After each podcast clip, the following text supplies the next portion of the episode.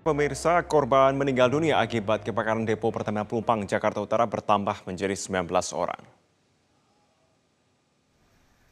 Satu pasien meninggal dunia karena mengalami luka bakar serius pada minggu dini hari. Korban meninggal dunia merupakan seorang pria dengan tingkat luka bakar mencapai 95 persen. Saat ini RSPP menangani 24 pasien dengan rata-rata mengalami luka bakar 75 hingga 95 persen, dengan rincian 25, maksud kami 23 pasien dewasa, sedangkan tiga lainnya anak-anak. Sebanyak 13 pasien dirawat di ICU dan 11 pasien lainnya dirawat di kamar rawat biasa. Pihak rumah sakit menyatakan kelompok ICU merupakan korban dengan luka bakar parah dan memerlukan bantuan alat pernafasan. ICU tetap di ICU yang di ruang uh, ban unit masih tetap di ruang ban unit tidak ada isinya pergeseran sampai saat ini uh, tapi yang korban itu yang meninggal jam 2.30 itu memang kondisinya agak berat sehingga uh, usaha maksimal kami itu istilahnya tidak berhasil dan jenazah sudah diberangkatkan ke Sulawesi untuk yang non ICU semuanya sadar penuh. Lalu kan ada juga pasien anak-anak. Nah, mereka ini dirawat di mana ya Pak? Tiga anak ini kondisinya di ICU semua. KPK menilai Rafael Alun Trisambodo memiliki teknik yang canggih dalam menyamarkan hartanya. Rafael diduga melakukan teknik nomini atau menyamarkan harta dengan mengatasnamakan orang lain. Untuk itu KPK akan segera memeriksa orang-orang terkait termasuk istri Rafael Alun yakni Erni Mike Tondorek.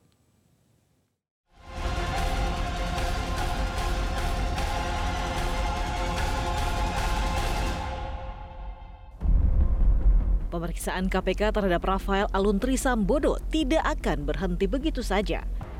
Penjelasan Rafael di KPK mendorong lembaga anti rasuah itu kembali akan memeriksa istri Rafael, yakni Erni Mike Tondorek. Karena banyak aset keluarga Rafael di atas namakan ibunda Mario dan Satrio tersebut mengkonfirmasi istrinya mungkin karena kepemilikan perusahaan. Lu tanya gue sekarang ya, lu iya. tanya gue sekarang. Dugaan gue pasti gue pakai. Oh. Karena banyak nama dia dan transaksinya juga banyak di rekening dia. Hmm. Hal ini bisa dilihat dari komplek properti Green Hill Residence di Minahasa Utara, Sulawesi Utara. Lokasi perumahan ini mulai dikembangkan pada tahun 2010. Saat ini developer telah membangun sedikitnya lebih dari 200 unit rumah dengan berbagai tipe. Mulai dari harga 300 juta hingga 1,5 miliar rupiah. Bukan dia lah pak. Bukan bukan bukan nama nama pak Rafael. Kalau bukan dia atas nama siapa pak? Istrinya. Istrinya bisa disebutkan istrinya, istrinya siapa? ah, Erni ya? Ibu Erni iya. Ya enggak karena ini kan pak uh, itu kan masalah yang di Jakarta hmm. itu kan hmm. masalah pribadi. Hmm. masalah keluarga kali. Jadi kalau ini nggak pernah KPK menduga Rafael pintar dalam menyamarkan asetnya salah satunya dengan pola nomini atau di atas namakan orang lain. Hal itu bisa terlihat dari kepemilikan Jeep Rubiconnya yang setelah ditelusuri di atas namakan seseorang yang tinggal di Gang Sempit di Mampang Perapatan, Jakarta. Nomini. Salah nggak menurut LKPN? Nggak salah. Nggak salah ya. Gue beli atas nama lu. Nggak salah kan di LKPN? Kenapa nggak masuk? Ya nama lu masa gue masukin? Iya. Nah, coba. Tapi sebenarnya gue yakin deh lu yang beli Nah, gitu kan. Udah gitu pakai PT. Ya tahu kan kalau di LKPN PT hanya nominal saham. Iya. Urusan PT lu berkembang transaksinya apa lu nggak nerima ya. sumbangan, ya. lu nerima apa di PT. Gua nggak bisa lihat. Canggih ya? Itu antara lainnya gue belajar itu. Ntar kalau gue udah makin paham jurusnya gue kasih tahu. Nilainya besar ya Pak ya? Yang pakai nomine itu? Ah, ya gede lah. Rafael memang melaporkan hartanya sejak 2011 hingga 2022 dan terlihat kenaikan terus-menerus selama berkarir di Ditjen Pajak. Tapi masalahnya apakah harta pegawai pajak ini sesuai dengan profilnya atau masih ada yang disembunyikan lewat tangan orang lain? Tanyakan ke Pak, tanya apa Pak, bentar Pak. Bisa ditanyakan kepada KPK. Saya sudah lelah. PPATK sudah pernah melaporkan ada transaksi mencurigakan dari Rafael Aluntri Sambodo. Rafael diduga melakukan teknik pembukaan rekening atas nama orang lain. Publik yang digaduhkan dengan maraknya fenomena pamer harta para pejabat negara, buntutnya Presiden Jokowi meminta para pembantunya untuk mendisiplinkan aparat di bawahnya dan sejumlah pihak meminta segera disahkannya RUU perampasan aset yang digadang-gadang sebagai senjata ampuh untuk menjerat harta tak wajar dari penyelenggara negara. Kasus penganiayaan Mario Dendi terhadap David berbuntut panjang.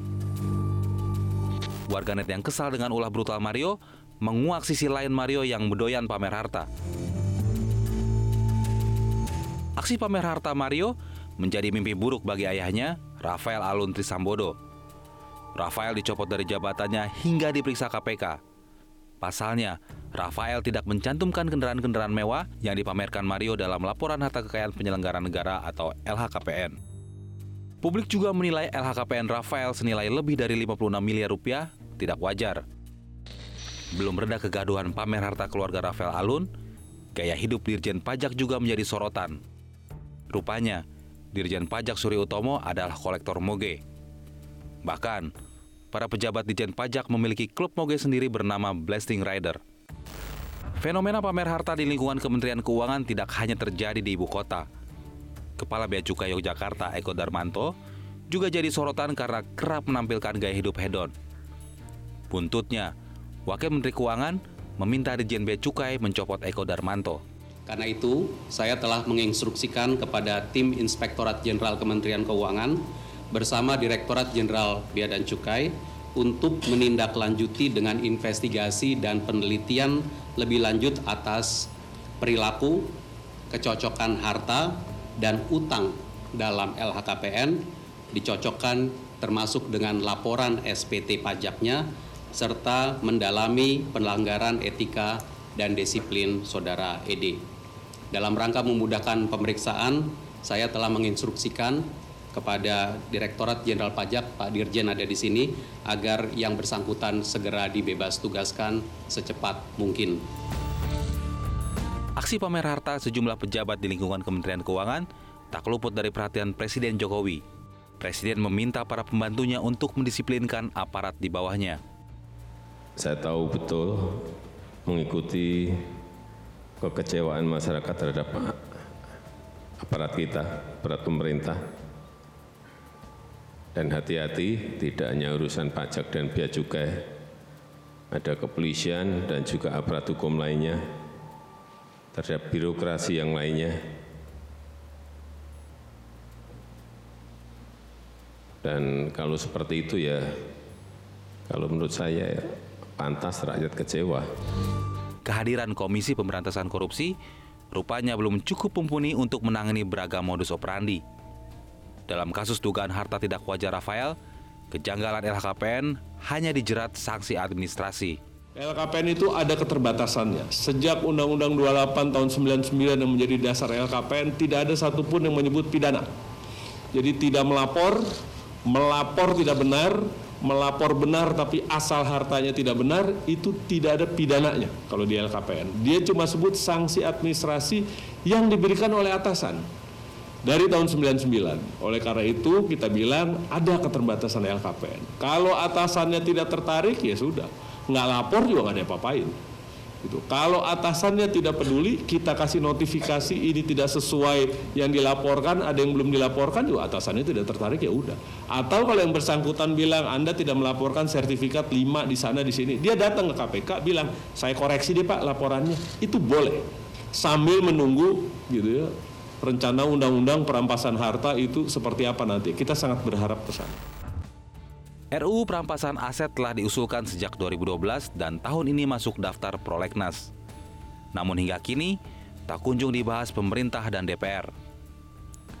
Urgensi undang-undang yang mampu menjerat harta tidak wajar penyelenggara negara sangat terasa. Karena undang-undang ini akan menjangkau aset yang tidak sesuai dengan penghasilan.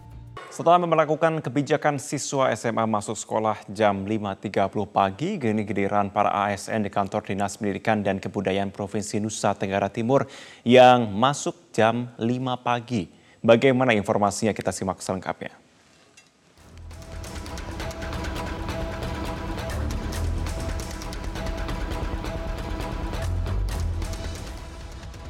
Inilah suasana di kantor Dinas Pendidikan dan Kebudayaan Provinsi NTT di Kupang yang mulai memperlakukan jam masuk kantor pukul 5 pagi.